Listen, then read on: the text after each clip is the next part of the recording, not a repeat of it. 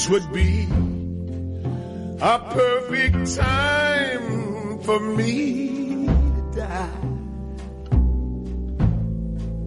So I'd like to take this opportunity to cry. You gave your word, now I return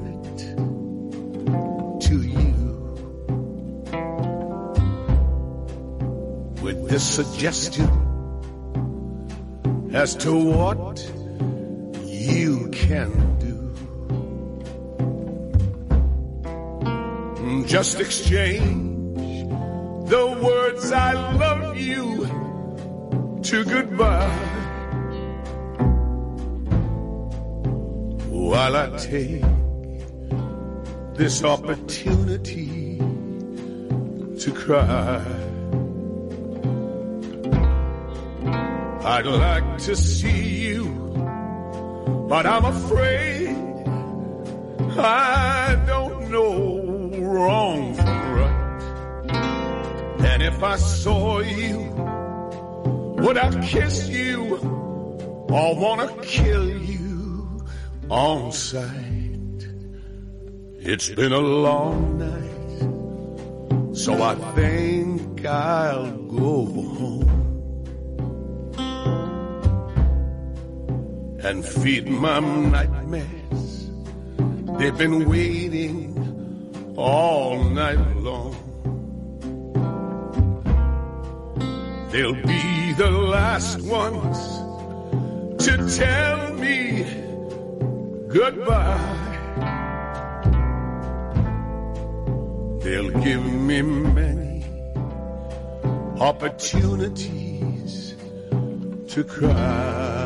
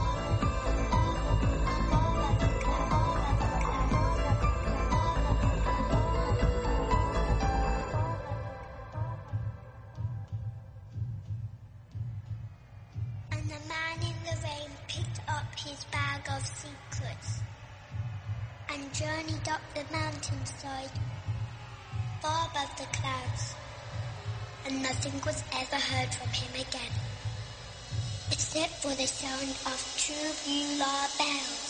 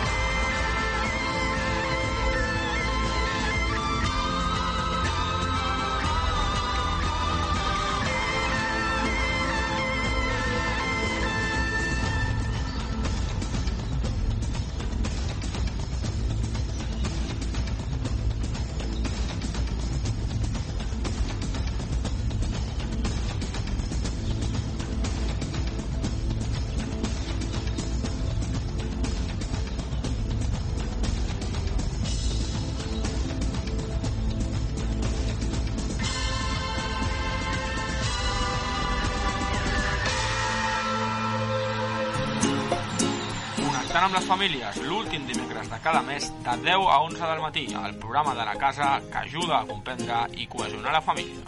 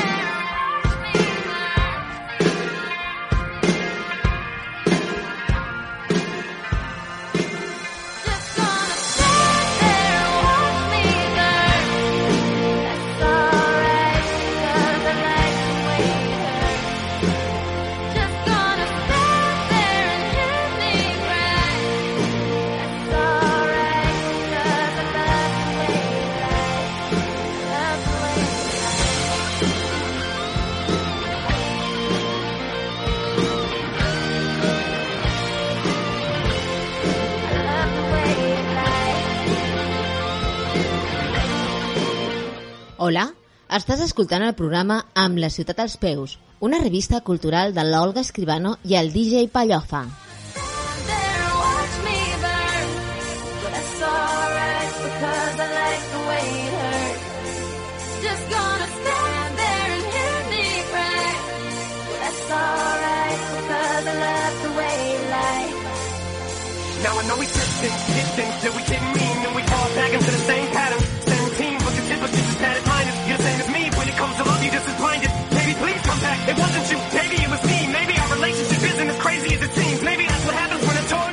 música, teatre, dansa, còmics, contes, cinema, un pot d'aire de lluna per quan t'ofeguis.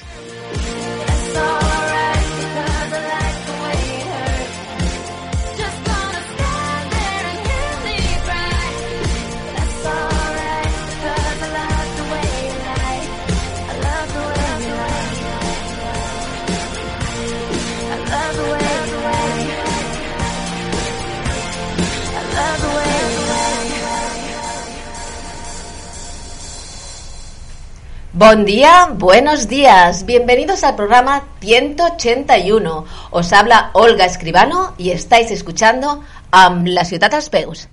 ¿Te gustaría mejorar tu seguridad interior y ser más resiliente ante las dificultades? Hoy tenemos el placer de tener en el estudio a Yelena Vettoquina, coach de particulares y equipos, acreditada por la Federación Internacional de Coaching. Yelena lleva 10 años trabajando con organizaciones y empresas internacionales, donde ha impartido talleres de inteligencia emocional y comunicación efectiva para ayudar a los equipos a mejorar su productividad y motivación. A Yelena le apasiona el tema de empoderamiento de las mujeres y ha creado un programa de bienestar emocional y corporal. Hoy Yelena va a compartir con nosotros algunas técnicas para mejorar nuestra resiliencia y llevar una vida más equilibrada. Buenos días, Elena. Muchas gracias por venir hoy a nuestro estudio. Buenos días, Olga. Encantada de estar aquí. Muchas gracias por invitarme. Vettoquina. Este apellido evidentemente no es español. ¿De dónde eres? Yo soy de Lituania. De, Lituania. ¿Y cuántos años llevas aquí viviendo? Ya en llevo 10 años. 10 años. en, en Barcelona. En Barcelona. Sí. Yo sé que hablas muy bien el español. Es increíble. Bueno, Yelena, la primera pregunta. ¿Qué es un coach y cómo lo traducirías al español? A ver, un coach es un profesional que ah, acompaña a las personas en sus procesos de autodescubrimiento, autoconocimiento, conexión con sus, ah, digamos, fuerzas interiores. Y el co- un coach siempre trabaja eh, desde presente, o sea, en el presente hacia el futuro. Em, ayuda a las personas a construir sus objetivos, alcanzar sus objetivos. Así que em, de, de eso se trata, digamos, ¿no? Entonces, eh, basamos, em, nuestro trabajo se basa en las preguntas. Así que a través de las preguntas, las personas descubren sus, ah, sus valores, ¿no? ¿Qué es lo que era realmente importante para ellos? Claro, o sea, vosotros no decís qué tienen que hacer, Exacto, sino no a través de preguntas ellos llegan a sus propias conclusiones y Correcto. deciden qué camino tienen que hacer, pero vosotros orientáis, ¿no? Correcto, sí, sí. La persona ya descubre qué es lo que realmente importante para ellos a través de esas preguntas. Pero nunca consejos. Es, no sería un buen coach que aconseja. Claro. Claro, porque es una manera de conectar con tu sabiduría interior. De hecho, Correcto, tú ya sí. sabes y cuando te hacen estas preguntas, cuando te suena algo dentro, dices, "Mm, tengo que ir por aquí, ¿no? Me ha tocado la fibra, ¿no? Sí. Que es un poquito esas preguntas que dices, ah, que te remueven todo, ¿no? Exacto, las preguntas inesperadas o llamamos preguntas poderosas, ¿no? Que normalmente tú no te, no te haces de ti mismo a ti misma, pero sí el coach, un coach te lo va a hacer. La pregunta inesperada. Uy, qué miedo, ¿no? Porque es como un proceso de, bueno, mm, te encuentras un poco desnudo, ¿no? Sí. Ante estas preguntas, porque es un espejo. Eh, tú pones el espejo y la gente se refleja, ¿no? En ese espejo. Sí, sí, sí. Y también vulnerable, ¿no? De ser, de ser realmente preparado, de, de, de- estar, de, ser vulnerable en frente de, de tu coach. Porque claro, vas a compartir con él o con ella lo más íntimo tuyo. Así que es muy poderoso, sí, el, el proceso. Y supongo que, claro, es lo que dices, ¿no? Es eh, confiar también en tu coach, porque tienes que, bueno, estar de una manera, tienes que ser vulnerable Sí. pero, y abrirte, porque si no te abres y te cierras y te engañas a ti mismo, no evolucionas. Sí, si no, no- entonces no, no sirve de nada, digamos, No el proceso. Sí. O sea que tienes que ir con la mente abierta y dispuesto a que Y te confiar. Y confiar. Y confiar que, como tú has dicho, del presente al futuro se Sí. evolucionará. Sí. Y se irá caminando hacia algún sitio. Correcto. Pero, Yelena, ¿por qué crear un programa específico de empoderamiento de las mujeres? Ujú. Sí, ah, realmente yo durante, eh, a lo largo de mi carrera profesional he trabajado con muchas mujeres. Primero que soy mujer, me conecto mucho con esos valores, ¿no? De un poco de, de- de nuestros problemas de visibilidad, de alcanzar esos objetivos, ¿no? Y a veces que nos cuesta y tal. Y después en las empresas donde, donde estuve, pues trabajaba con muchísimas, ah, muchísimos líderes, muchísimas líderes, mujeres, y también tenía mis mentoras, así que realmente creo en esta tribu, en esta comunidad. Y entonces desde ahí ah, viene este programa de empoderamiento para las mujeres. Es justo que queremos crear, son sesiones, digamos, de grupo, Ujú. sesiones de coaching grupales, y es donde sí que creamos esa red de apoyo, ¿no? Entonces desde ahí sale un poco que yo me siento identificada, obviamente, con, con Y mujer. esa red de apoyo y tan necesaria, porque no podemos negar, Yelena, que cuando vamos a los puestos de directivos Mm. predominan los hombres. Entonces las mujeres tenemos que hacer un poquito esta red, esta comunidad Sí. y apoyarnos mutuamente para llegar allá y entrenarnos, prepararnos y saber eh, cómo podemos acceder a estos puestos de trabajo, ¿no? Sí, totalmente. La red, yo siempre digo, una tribu, una red, em, esas conexiones que siempre te ayudan y también a, a superar esos momentos difíciles, estar en conexión. Así que de eso, de eso se trata un Sí. poco. Además, eh, Yelena, eh, no sé si tú crees que a lo mejor las mujeres están un poquito más abiertas a hacer esta exploración interna, este abrir este camino y hacer este, sí, este crecimiento interior que a los hombres a veces les cuesta más.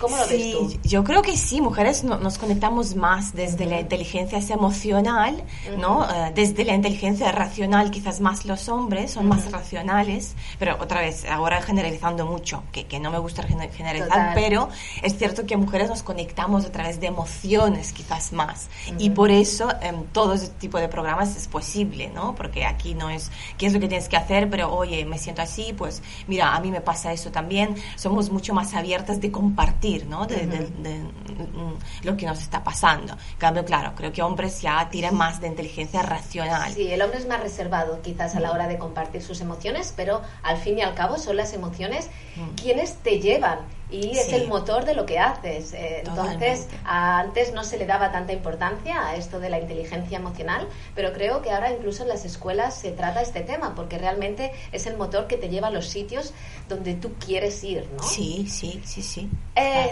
Yelena, llega la pregunta del millón. ¿Qué es lo que nos frena a la hora de conseguir nuestros objetivos? Muy buena pregunta.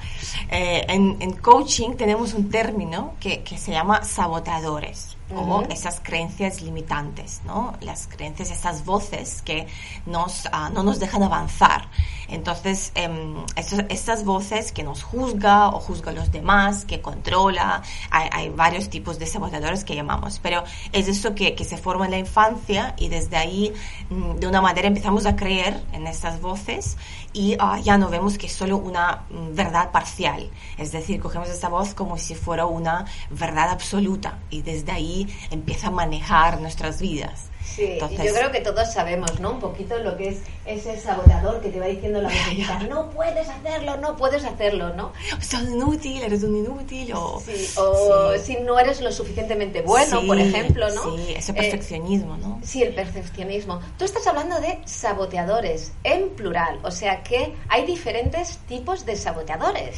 Sí, sí, realmente un autor, ah, bueno, que tiene su página web y tal, está en inglés, pero bueno, él ha definido 10 y, y yo puedo nombrar lo que, lo que he visto que son muy comunes, más comunes de, con, lo que, con los que la gente que he trabajado. Por ejemplo, uno es eh, juicio, ¿no? De, de juzgar. Juzgar a uno mismo, juzgar a los demás, juzgar a la vida, así que nunca es suficiente bueno, por ejemplo, ¿no? Entonces, esta necesidad de realmente, bueno, ver un poco todo gris, todo malo y no es suficiente bueno, ¿no? Entonces, eso, oh, claro, por un lado te puede un poco proteger, porque es, es lo que hacen los sabotadores, nos protegen, pero claro, por otro lado es difícil, es difícil de avanzar y hacer sembrar algunas ideas nuevas, por ejemplo. Claro, porque es, supongo que este juez es aquel de no eres lo suficientemente Sí, bueno, ¿no? Que te sí. estás juzgando o no lo has hecho bien. Que es un poquito lo que acabas de decir del perfeccionismo, ¿no? Sí. Eh, cuando eres muy perfeccionista, todo tiene que ser tan perfecto que al, acabar- al final no haces nada. Eso, eso es, es como que te paraliza al final. Así que esto, eso es cuando, cuando si avanzas con ese sabotador, bueno, mm, bien, porque a veces es Sí. duro, pero, te sientes que está ¿no? ayudando. Pero claro, cuando te, te, te estancas, ahí es, es un problema. Claro. Después hay otro que, por ejemplo, el controlador, ¿no? Sabemos de esas Mm. personas que tienen esta ansiedad, casi ansiedad de, de- de necesidad de, tra- de controlar. Bueno, vale su agenda y también está perfecto si tenemos un poco de esos sabotadores, pero controlan, no sé, eh, otra persona, sus acciones, qué es lo que va a hacer y claro, se hace muy difícil, claro. Yo creo que eh, las personas que tienen hiperactivado este saboteador controlador, lo que sufren es un estrés horrible, ¿no? Ya, es como que no confiar que otro también es capaz de hacerlo, quizás a su manera, eso pasa mucho, por ejemplo, en las parejas, ¿no? O, Sí. bueno, con los hijos, supongo, pero es claro, otra persona también Sí. es capaz, eh, a no ser que hay razón detrás que no es capaz, pero eh, es difícil tanto para la persona, tanto mm, por los que están compartiendo tiempo con él o ella, ¿no? Y Des- la vida, ¿no? Porque además Claro. es ese controlador, como tú has dicho, que no confías y que cuando delegas dices, es que no lo has hecho bien, no has hecho esto, esto, esto y esto, ¿no? o sea, que es horrible vivir con una persona así. Y encima el feedback, ¿no? El feedback te sale el juez, ¿no? Sí, siempre trabajo en conjunto. Sí, exacto. Nunca viene solo. Se compinchan ahí Sí, para ir siempre. Y ¿no? después otros que he notado, eh, por ejemplo, víctima, ¿no? Tenemos a esa persona, sabemos de todo que, ay, pobrecito de mí, ¿qué me está pasando? Es realmente buscando atención de los demás, ¿no? Mm. O, por ejemplo, bueno, y, y- y- y otros, por ejemplo, complaciente, Ajá. sabemos de esas personas, ¿no? Que quieren complacer a toda costa a los demás, olvidando de sus propias necesidades. Y de aquí yo te interrumpo, Yelena, y vuelvo a mi tema de las mujeres, porque te voy a hacer una pregunta. ¿Tú crees que las mujeres nos han enseñado a complacer mucho más que los hombres por nuestra educación? Yo creo que ahora ha evolucionado mucho, ¿verdad? Pero claro, mm, depende de país, depende de costumbres, ¿no? De cultura. Creo que otra vez, generalizando, que a veces perdemos muchos detalles, generalizando sí, puede decir que, ¿no? Somos un poco más, bueno, complacientes, ¿no? Sí. Y está bien, no, no, hay na- Sí. no pasa nada. Siempre digo que eh, cua- cualquier comportamiento que, que, que, que te sirve, que te, bueno, por ejemplo, que te sirve ser, no sé, buena esposa, buena amiga, ¿no? Y no está dañando a tus propios valores, no está dañando tus necesidades, Eso, bienvenido a ti sea. mismo, a ti Claro. mismo, porque cuando Claro. ah, lo que haces es poner las necesidades de los demás, anteponer las necesidades de los demás a las tuyas propias, tú te quedas en, bueno, en último, en un segundo plano y no, Sí. no cubres tus necesidades, ¿no? Sí. Entonces, ¿qué te pasa cuando te pasa eso? Claro, son esas personas que entonces como a veces son rencorosas, ¿no? Lleva este rencor, porque claro, como yo no, no, he, no he respetado ¿no? mis propias eh, necesidades Ujú. y entonces priorizado los de- a los demás, pues yo siento ese rencor. Es como que porque esta voz dentro, ¿qué pasa aquí? ¿Por qué no estás mirando lo que a mí está ¿no? A mí me importa. Entonces, eso suele ser que personas pues salen con ese rencor. Claro, esto tiene un efecto rebote, porque por un lado tú quieres complacer y que bueno que te quieran, ser aceptado, ¿no? Pero luego lo que haces es proyectar una agresividad contra esa gente, con lo cual eh, hay un doble mensaje y realmente no consigues lo que quieres, porque tampoco No. consigues crear, digamos, una atmósfera agradable con la gente que No. quieres. Mm, No, no llegas a conseguir eso. No, no, tampoco. Y, y- y claro, para las relaciones tampoco funciona mucho, ¿no? Porque al final no muestres cómo eres, no Mm. muestras tus necesidades y siempre como que estás un poco en la superficie con los demás. Sí que es cierto, ¿No? porque no te has enseñado lo que... Claro, es un ejercicio de decir lo que necesitas y expresarlo al otro, ¿no? Correcto. Ujú. Eso se basa, ¿no? De la relación. Y yo te voy a continuar con mi tema, Sí, sí, sí, mujer, sí. que ya sabes que mi programa tiene un punto de vista más femenino. ¿Tú crees que a la mujer se le permite enfadarse? Mientras que en el hombre este punto de agresividad eh, está bien visto, incluso si no lo tiene se puede, bueno, decir muchos adjetivos. ¿A la mujer se le permite enfadarse? Yo creo que más bien hay que ser consciente el permiso que tú te das a ti misma, ¿no? Y yo siempre invito a dar este permiso, ¿no? Que no somos perfectas y somos seres humanos eh, y, y, claro, a mí no me gusta mucho dividir hombre o mujer, pero sí invito eh, siempre a apelar a esa conciencia, ¿no? De conciencia de y darte permiso de enfadarse, ¿no? De, de enfadarte, de, de, bueno, de no estar perfecta. Eso, Claro. está, eso es muy importante porque la mujer a veces tiene este síndrome de superwoman, ¿no? Que tiene que ser supermadre, madre. super eh, trabajadora en la empresa, eh, super todo. Y hay un momento que tiene este síndrome y se colapsa. Claro, Entonces, claro. sí, nos podemos enfadar. Es no decir que estemos todo el día de mala leche, pero, ¿verdad? Pero eh, es algo que es una emoción y las emociones Sí, y hay que ahí, ¿no? mostrarlas también y es una información para los demás. Claro, perfecto. Ah, lo has comentado un poquito, pero querría que profundizásemos en el tema. ¿Por qué creamos estos sabotadores internos si en un principio nos limitan? Mm, Sí, es una pregunta interesante y como dicen los psicólogos y coaches, realmente se crean. Es como que eh, son como como si fueran semillas que están instalando en nuestro cerebro desde que somos pequeños, desde nuestra infancia.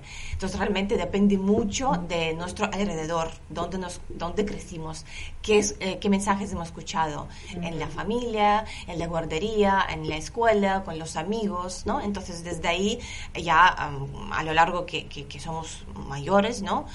Que, nos envejecemos, eh, somos más capaces de procesar. Entonces esa gente que ocurre, eh, recu- ocurre a, mm, recurre a la inteligencia emocional para entender un poco de dónde sale todo ese Claro. sabotador. Pero realmente se cree en la infancia. O se sea, que esas vocecitas pueden ser las vocecitas de nuestros padres, de Sí. nuestros amigos, de nuestros profesores, y que se instalan allá y tenemos que hacer un reset, eliminarlas y, y empezar un poquito de cero, ¿no? A ver, eliminarla, siempre digo, eh, es una tarea casi imposible. O sea, no sacáis emisiones, no las podemos eliminar. Pero Siempre están, siempre estarán. Siempre están. Pero, a ver. Sí, sí. Pero está bien que, que estén, porque claro, nos protegen. ¿no? Son, a veces hacemos decisiones Sí. las necesitamos, los necesitamos de su sabotador. Siempre digo, a medida justa. Es decir, que si a mí no me molesta, estén ahí, bueno, mira, es- o incluso a veces me ayuda, me protege, ¿no? Claro. Pero si me sobreprotege, si me aleja de mis objetivos, si no me deja alcanzar o avanzar, es ahí, o por ejemplo, se apoderan de nuestras vidas, ya son dueños de nuestras Exacto, es vidas. cuando tú ya no llevas las riendas de tu vida. Correcto. Y ahí es donde tienes que, Claro. bueno, mm, cuestionarte cómo los puedes sí, transformar. sí. Pero lo que tú dices es importante. Estos sabotadores en un principio se crean para ayudarnos. Sí. Lo que nos dicen es, hey, quédate en la zona de confort, que sí. esta zona de confort es segura. Sí. Y no Sí. salgas, que no está mal, ¿eh? Porque mal. yo te voy a decir una cosa, Gilena, esto de que sal de la zona de confort y sal de la zona de confort, con lo que te cuesta crear una zona de confort donde estás segura, ya. Pues sí, sal, pero mira que en la piscina haya agua. Claro. ¿No? No te Claro, lances claro, sin agua. claro. No, y eso también, otra vez, sal de la zona, es otra vez, si te fijas, es un consejo, ¿no? Entonces Sí. sería sal. Nosotros no damos consejos. Si, Vale. si tú sientes que para ti es importante para alcanzar algo y Vale. salir de la zona, bueno, pues hazlo, ¿no? Pero quizás tú estás bien en tu zona de confort y mira, has creado esa vida que tú querías, pues a disfrutarla, a gozarla. Entonces es importante de no, de no copiar la vida de los demás. Eso está muy Y- bien. y- y, y saber que yo vivo mi vida, estoy viviendo en mi vida y no estoy copiando a los demás. Y estas vocecitas, bueno, gracias, ¿no? Pero desde ahí, pues hay, hay varios ejercicios de transformación, como aceptando, agradeciendo y llevándolos hacia, bueno, tengo también otras voces que sí creen en mí, que sí quiere que yo avance. Y, y que sí quiere, ah, bueno, que, que vaya por mis objetivos o que, que esté feliz, digamos. Claro, aquí es lo que dices, ¿no? Cuando estos saboteadores es- son, están hiperactivados, Sí. eh, o- y ya es cuando no llevamos las riendas de nuestras Sí. vidas, es cuando tenemos que pensar cómo transformarlos, ¿no? Exacto, Y a ver, sí. eh, ¿qué técnicas nos puedes dar para transformar esa vocecita de no puedes, no puedes, o, o pobrecita de mí, o cómo Ya. podemos transformar esa narrativa? Claro, claro. Aquí hay varias, realmente hay varias técnicas, ¿no? Eh, primero es la conciencia, ¿no? De la conciencia, mm, qué es lo que esta voz te está diciendo. Incluso apuntarlo, ¿no? Yo apunto, por ejemplo, soy un inútil, una inútil para este proyecto, como un Vale. ejemplo, ¿no? Entonces apuntamos esa voz, somos conscientes y preguntamos qué emoción lleva esa, esa, esa frase. O sea, ¿tú qué sientes cuando tú escuchas en tu cabeza esta, esta frase, ¿no? Y apuntas. Entonces es primer paso la conciencia con todo eso, ¿no? Eso está muy bien, Gilena, Sí. porque muchas veces tenemos un sentimiento, podemos sentir ansiedad Y no o estar sabemos- nerviosos y no sabemos y no por qué. Entonces, si tú escribes, dices, "Mm, con este pensamiento de no puedes, me viene ansiedad. Entonces tú eres Eso. consciente. Exacto, entonces ya sabes que cuando yo repito esta frase, Ujú. pero claro, si yo no soy consciente no puedo hacer nada con ello, Ujú. con que yo ya lo he adaptado como parte de mí, cuando en realidad ha sido una semilla sembrada, bueno, en la infancia, lo que sea, que quizás no te ayuda mucho. Entonces, el primer, primer paso es eso, ser consciente de la frase, de la emoción. Después, eh, muy, muy, ayuda muchísimo como segundo paso de cambiar el foco de la atención, de atención de tu cabeza hacia tu cuerpo, a sensaciones físicas. Por ejemplo, empiezas a respirar muy hondo, ¿no? Eh, muy profundo, ¿no? O, por ejemplo, empiezas a sentir ah, eh, tu peso en la silla, ¿no? O sea, son como ejercicios así porque lo que hace eh, neutraliza la zona del cerebro que realmente eh, activa estes- estos saboteado- saboteadores. Entonces ese ejercicio como que vale, ahora que sé de dónde viene y estoy en ese momento de ansiedad o, o ira o lo que sea, me pongo, desconecto la cabeza y lo que empiezo es sentir mi cuerpo. Entonces Claro. eso es como, mm, sí, sí. Porque la mente no puede hacer dos cosas. No. Estar pensando en No. negativo y centrarse en el cuerpo. Cuando tú no. Es increíble, esto de multitasking no puede hacer no funciona. para nada. Tú- además, esto me recuerda un poquito a los niños. Tú sabes a los niños cuando están llorando y de repente les dices, mira el juguete, ¿A un helado? Ah. mira, mira, oh, un helado, un helado, mira el helado, uy, ya se le ha olvidado de que lloraban, ¿no? Sí, sí, sí, totalmente, totalmente. Vale. Y, y bueno, y, y desde ahí entonces cambiar, es lo que Sí. también hace cambiar esa narrativa. Entonces, si, si cogemos el ejemplo de soy una inútil para ese proyecto, Ajá. por ejemplo, la narrativa podría ser, vale, eso dice mi saboteador, Ujú. ya soy consciente de eso, pero ¿qué diría mi voz de sabiduría interior? Pues mi voz de sabiduría diría, mira, yo he trabajado muchísimo para que este proyecto sea un éxito. Ujú. Y si me falta algo, pues voy y, y- y voy a estudiar más, lo que sea, tal y cual. Entonces, esos son un poco tres pasos, eh, bueno, conciencia, cambiando el foco, después cambiando la narrativa, y por último digo, mira, si nada te funciona, imagínate como meta- metafóricamente, que es un personaje, ¿no? Es esta voz, quizás es un objeto, quizás es algo, pero imagínalo, que es una persona o personaje ficticio, y tú lo envías a una isla preciosa, porque, porque siempre nos reímos y digo, es que trabajan mucho esos saboteadores. Claro, tú los jubilas. Se han pasado toda la vida trabajando. Jubílalo a una isla maravillosa, paradisiaca, pero lejos de ti, ¿no? Empieza por una hora, porque claro, Claro. así un día... Porque no respetan, están tan acostumbrados a trabajar, ¿no? Tienen este síndrome de... Sí, sí, sí, sí. Entonces, prueba un día, y yo siempre, uh, una, una hora, después un día. Y realmente es, es muy, muy um, es em- empoderador de ser libre de juicios por una hora. Pero no solo bien o mal, de nada, simplemente este espacio crear de saber decir, no sé. Cualquier cosa que me pasa, Ay. incluso interno y externo. No sé si él o ella no me ha llamado por este proyecto. No sé si está bien o mal. Realmente no sé, porque quizás esto va a llevar hacia otra cosa, ¿no? Entonces, ese espacio de, de no lo sé, eso empodera mucho. Wow, pero eso es difícil, ¿eh? Porque a veces... Práctica. eh, sí, sí, práctica. Tienes que... Esto es una gimnasia, ¿no? Sí, Yelena, sí, o es sea, un es, músculo, es es un un músculo mental que Sí, como cuando vas al gimnasio tú te has de entrenar y práctica y práctica. Siempre, siempre. Vale, o sea que tenemos que estar todos los días, igual como vamos al gimnasio, igual como comemos bien, pues tenemos que intentar tener pensamientos Claro. positivos y estar atentos y conciencia, exacto, estar atentos a ese pensamiento que nos está limitando, decir, hey, para, para, porque yo sí que valgo, ¿no? Eso es. O cambiar algo que te, ¿no? que, que, que- te transforma, claro. Pues Yelena, eh, yo creo que ahora que ya sabemos transformar a estos sabotadores, ¿te parece que hagamos una pausa Me para escuchar una canción? Perfecto.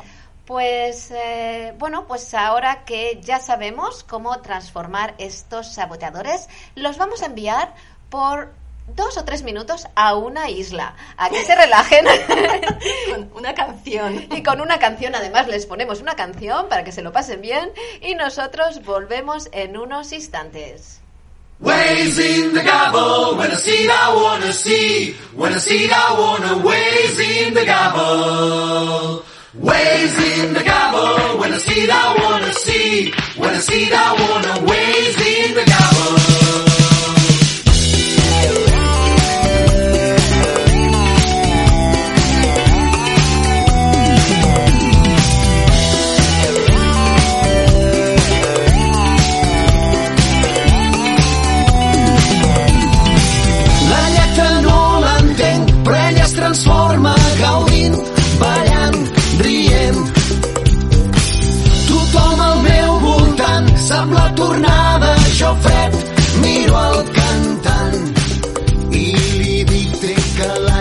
Fa estona. Heu vingut a robar-nos les dones, heu vingut a robar-nos les dones. No som més que una banda de pseudopoetes. Feu quatre cors i us penseu qui sap què. Heu vingut a robar-nos les dones. Heu vingut a robar-nos les dones. Però si feu el de sempre, canteu com hienes. L'hora ja d'entregar els instruments.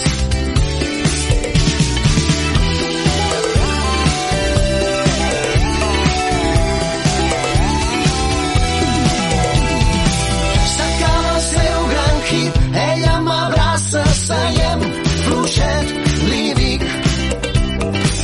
Jo de cançons així, en una tarda te'n puc fer 25.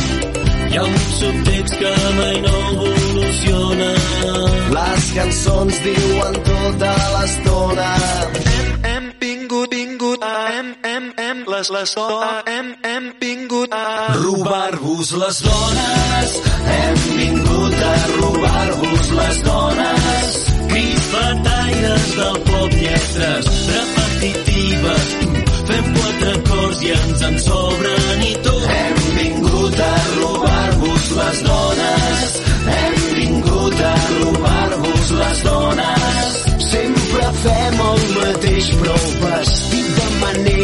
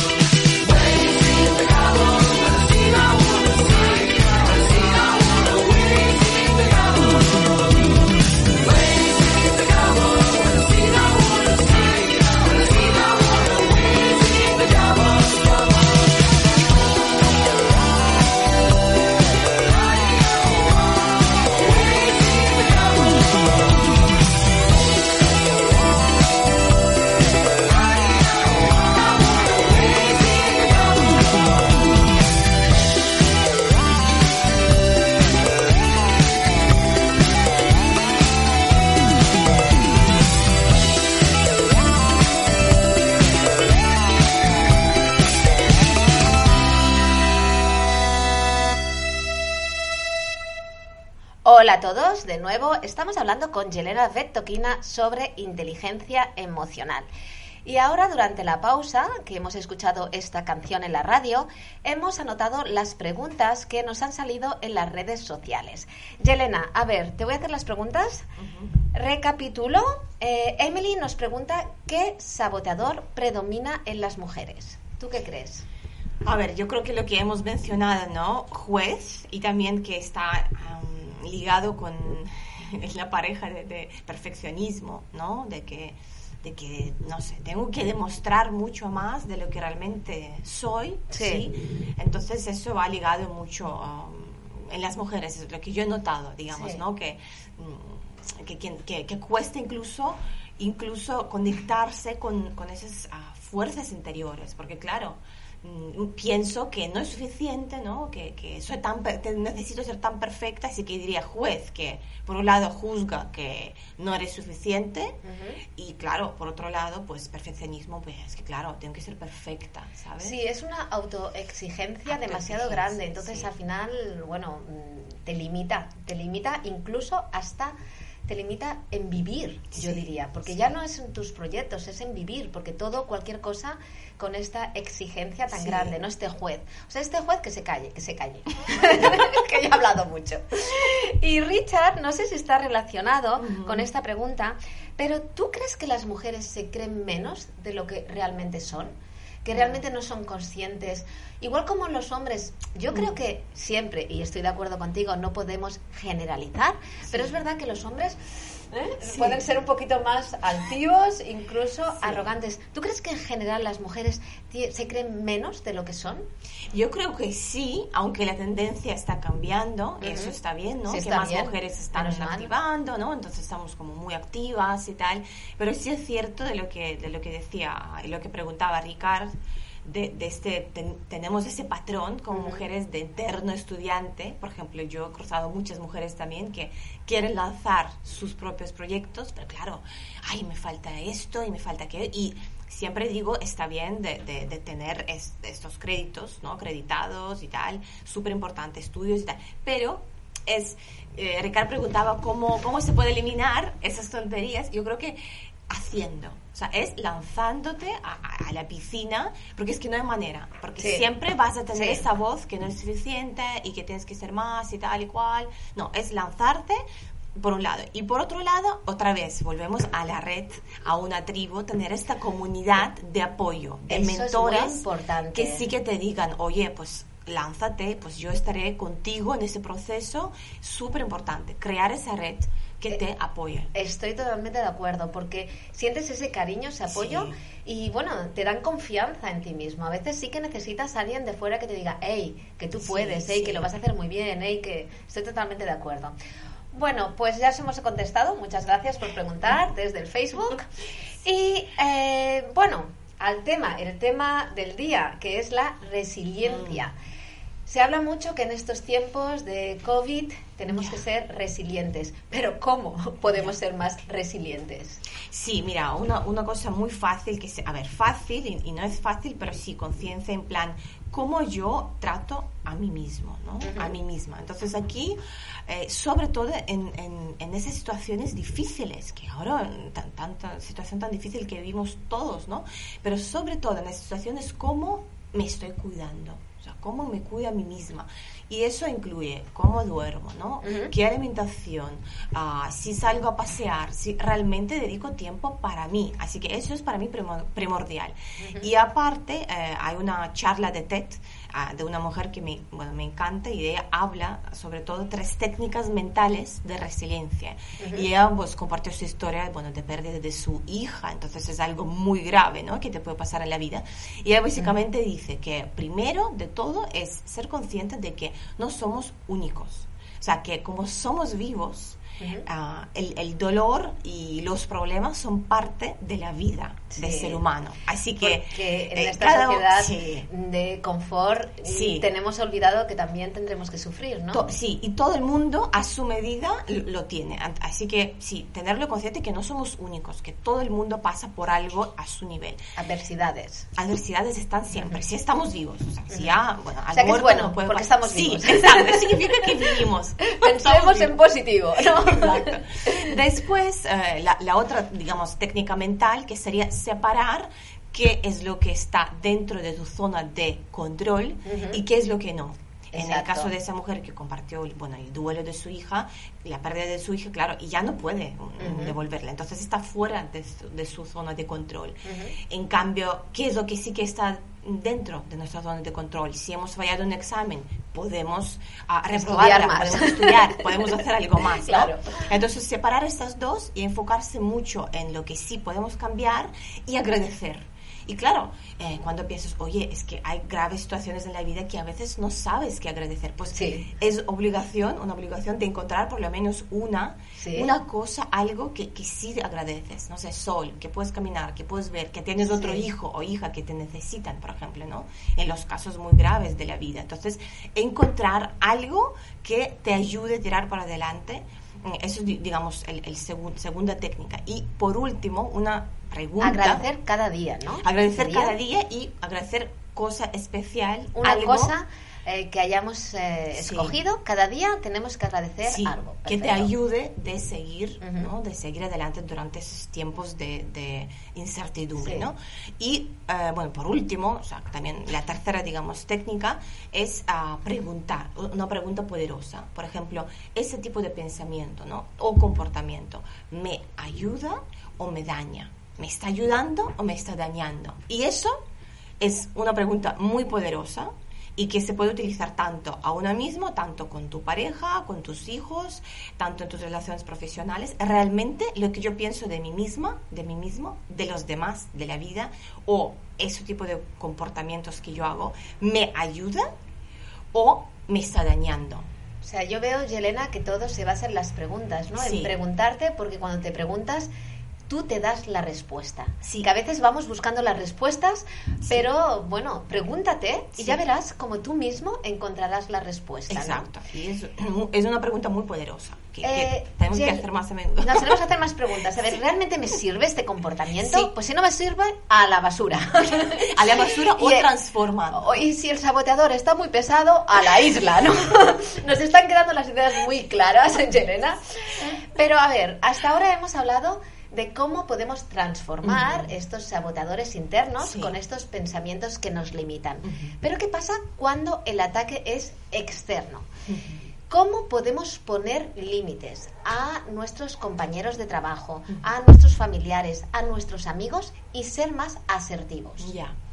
Mira, a mí me gusta mucho el- la técnica de comunicación no violenta. Eh, Es una técnica que ha sido desarrollada hace muchísimo tiempo, pero a mí me encanta siempre mm, recordarla porque es bastante fácil, pero sí necesita entrenar. Entonces, en- en un entreno. Como todo. Como ¿eh? todo. Es Uf, un músculo. Vamos a salir de aquí entrenados y fuertes, ¿no? Muy, muy, muy fuertes. Entonces, supongamos, eh, no sé, cojamos un caso de, de real. Supongamos que tenemos un jefe que, ah, pues, no, no de maltrato, pero de gritos, ¿no? Sí. Por ejemplo, ha- hay un grito, ¿no? De, de un jefe. Así va a ser más visual. Sí. Entonces, ese es el caso. Entonces, Buen primer- ejemplo. Primer paso, primer paso es otra vez separar el comportamiento de la persona. Entonces, en lugar de decir a su jefe, ¿no? De tú eres un mal educado porque me estás gritando, ¿no? Decir, ah, estoy observando el hecho de que tú has aumentado tu tono de voz. Entonces, es un hecho real. O sea, no es lo que has pensado, no es lo que has asumido, es un hecho real. O sea, eh, el tono de voz eh, percibo que se ha elevado. Entonces, punto número uno, observar, ¿no? Y separar persona de su O sea, comportamiento. no me estás gritando, estás elevando el tono de voz. Bueno, puedes ¿Por decir, qué? estás gritando, claro, es un hecho, ¿sí? Sí. Entonces, tu comportamiento que estás gritando, ¿sí? Sí. Entonces, es un hecho que hemos observado. Segundo, y muy importante, es explicar cómo afecta este tipo de comportamiento, cómo te está dañando, o sea, qué efecto, impacto tiene en ti. Entonces, en este caso sería explicar, mira, el hecho de que tú ah, aumentas el tono de voz me, ah, me hace muy mal. Me conecto ah, con mis inseguridades, me bloqueo, ¿no? Eh, realmente me está dañando psicológicamente. Entonces, mostrar a la persona eh, y otra persona tiene que ser consciente del impacto de su comportamiento hacia ti. Entonces, es un paso muy importante de poder explicar qué está sucediendo contigo cuando tú estás haciendo esto, esto y esto, ¿sí? Entonces, segundo paso es yo transmito lo que me está pasando y tú tienes que saberlo. Y tercero, una petición.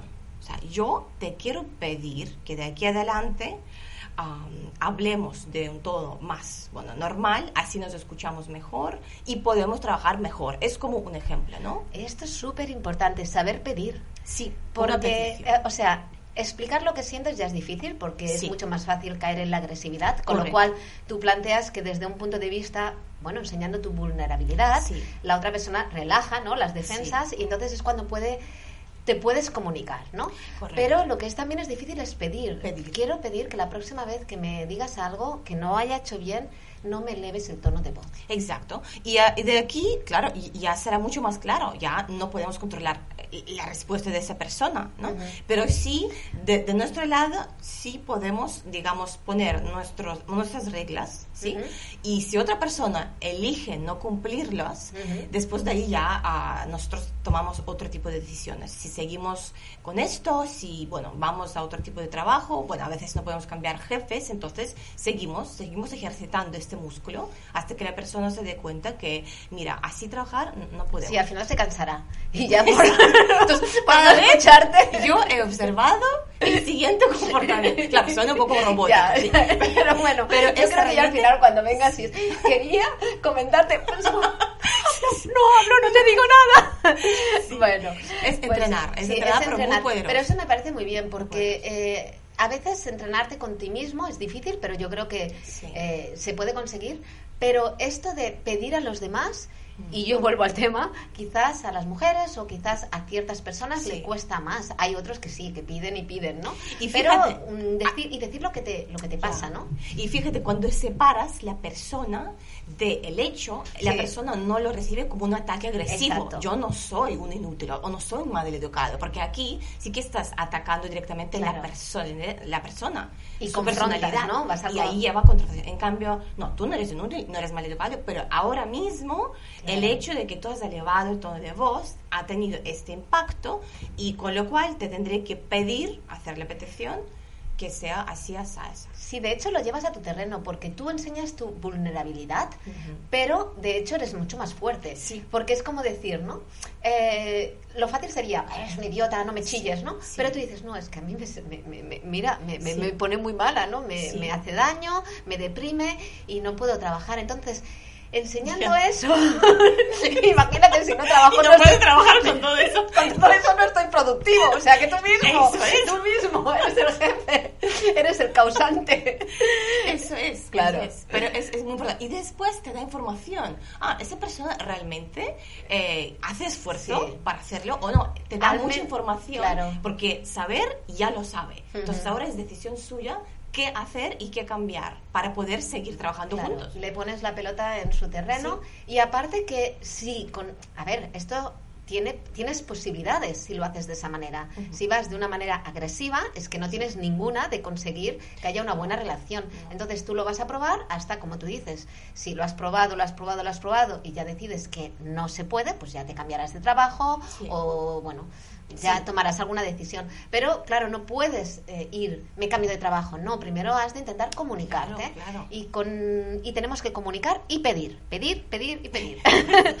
bueno, ya estamos acabando, se nos ha pasado súper rápido la entrevista. Uf, pasó volando pero el pasó tiempo, volando ¿no? el tiempo. Pero vamos a hacer una, un ejercicio. Eh, ¿Cómo podemos entrenar mentalmente nuestras mentes para conseguir nuestros objetivos? Sí, este me encanta porque siempre trabajamos ah, creando la visión. ¿no? O sea, como que realmente tenemos que saber hacia dónde vamos. Entonces, para crear la visión, yo siempre propongo de hacerlo de una manera muy lúdica. ¿no? Por ejemplo, bueno, despertar ese niño interior nuestro y dibujar. O sea, ahora voy a dar cuatro preguntas, pero las respuestas en lugar de apuntar, pues quizás dibujar, Bueno. o quizás poner como un collage y poner en, un- en un- en, bueno, en una mesa. Pues Visible. mm, lápices de dibujo. Lápices de dibujo y a por vamos a ello. dibujar. Entonces, primera pregunta es muy fácil, ¿no? De dónde te ves de aquí a un año. Ujú. En un año, en cinco años ya eliges. Supongamos es un año, entonces dónde tú quieres estar y de hecho ya visualizamos que ya estamos ahí. O sea, vale, yo quiero estar ahí y imagino, visualizo que yo ya estoy ahí. Vale. Entonces dibujamos eso, quizás, bueno, es algo profesional, algo personal, todo lo que surge, ¿no? Todas esas ideas y sabemos muy bien la dirección hacia dónde vamos y imaginamos, estamos ahí. Entonces desde ahí, la segunda pregunta, tenemos que poner conciencia qué es lo que nos está limitando, qué es lo que nos está frenando. Entonces, ¿cuáles son tus miedos? ¿Cuáles son tus ah, desafíos? Ujú. Igual, dibujar ah, o hacer este collage, pegar, ¿no? De, de- tal. Entonces, pensar, vale, tenemos que saber esas rocas, ¿no? En el camino, o sea, qué nos está frenando para poder afrontarlas.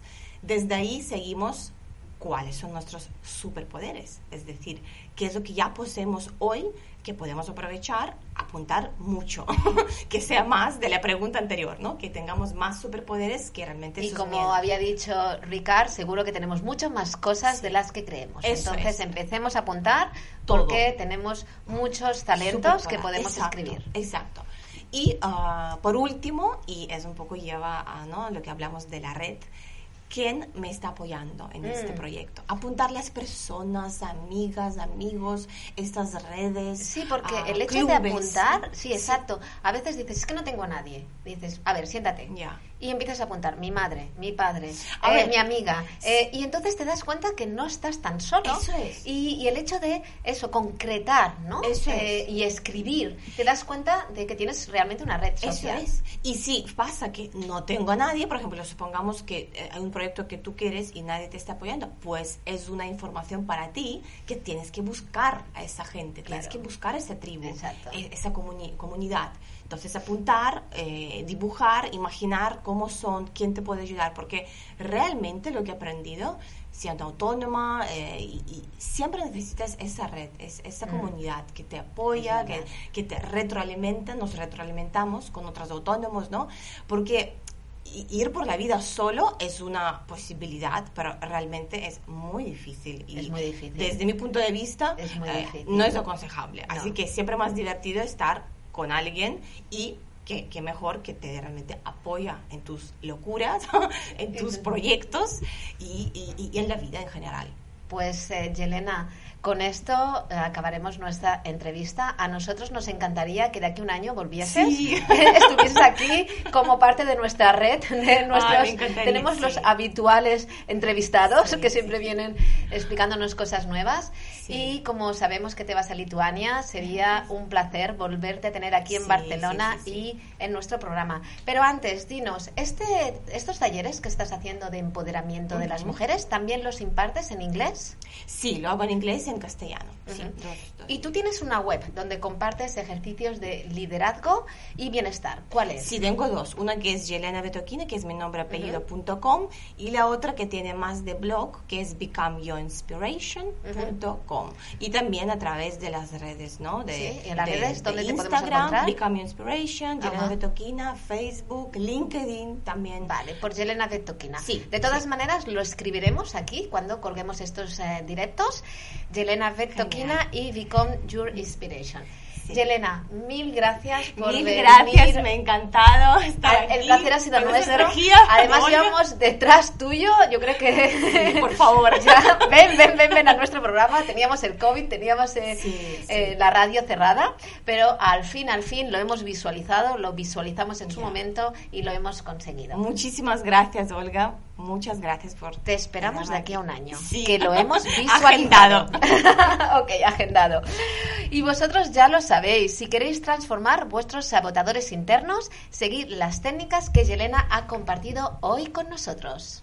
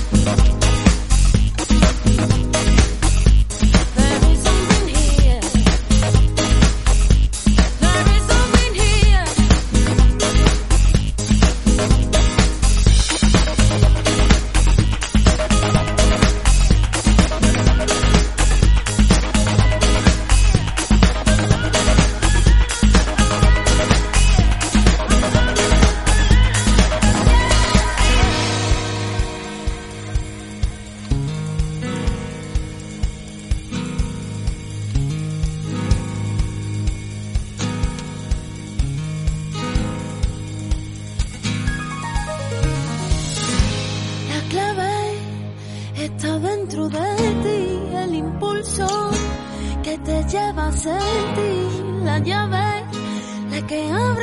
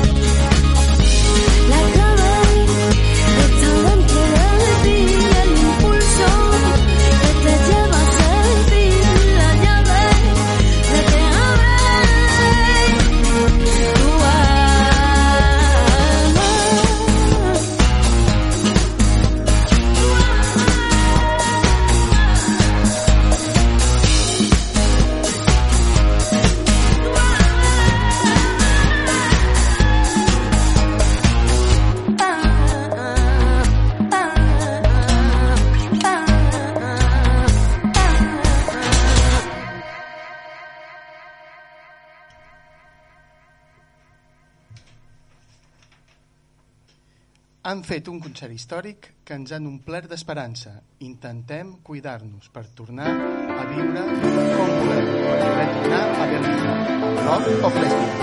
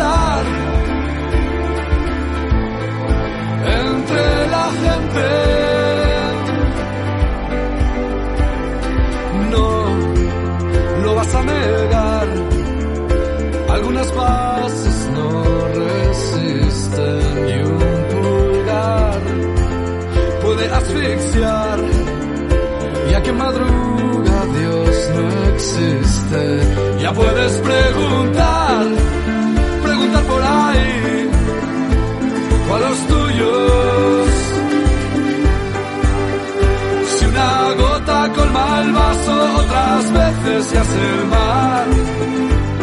Y es el mar, esta vez lo entiendes, no ves que ya no. No me convences, me quiero evaporar entre la gente. Un día me iré, me iré de verdad. No sé si me ves de todo capaz de cambiar nombre y edad. Y si me encuentras, decirte de quién me estás hablando. No, no, no, no, no lo haré jamás. Me falta valor o fuerza vital. ¿De qué me sirve salir de esta inmensa ciudad? Si de quien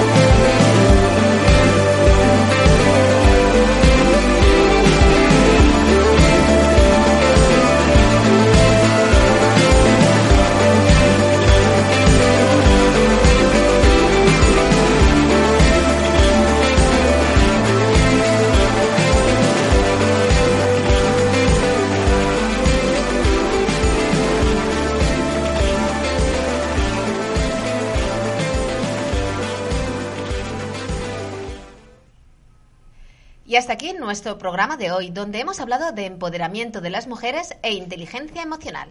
Y hemos escuchado las canciones El seu gran hit de Amics de les Arts, Always Searching de Fuel Fandango i Belice de Love of Lesbian. Fins d'aquí a 15 dies, DJ Pallofa. Fins aquí a 15 dies, uh, Olga Escribano. Fins, Fins d'aquí a 15 dies. I've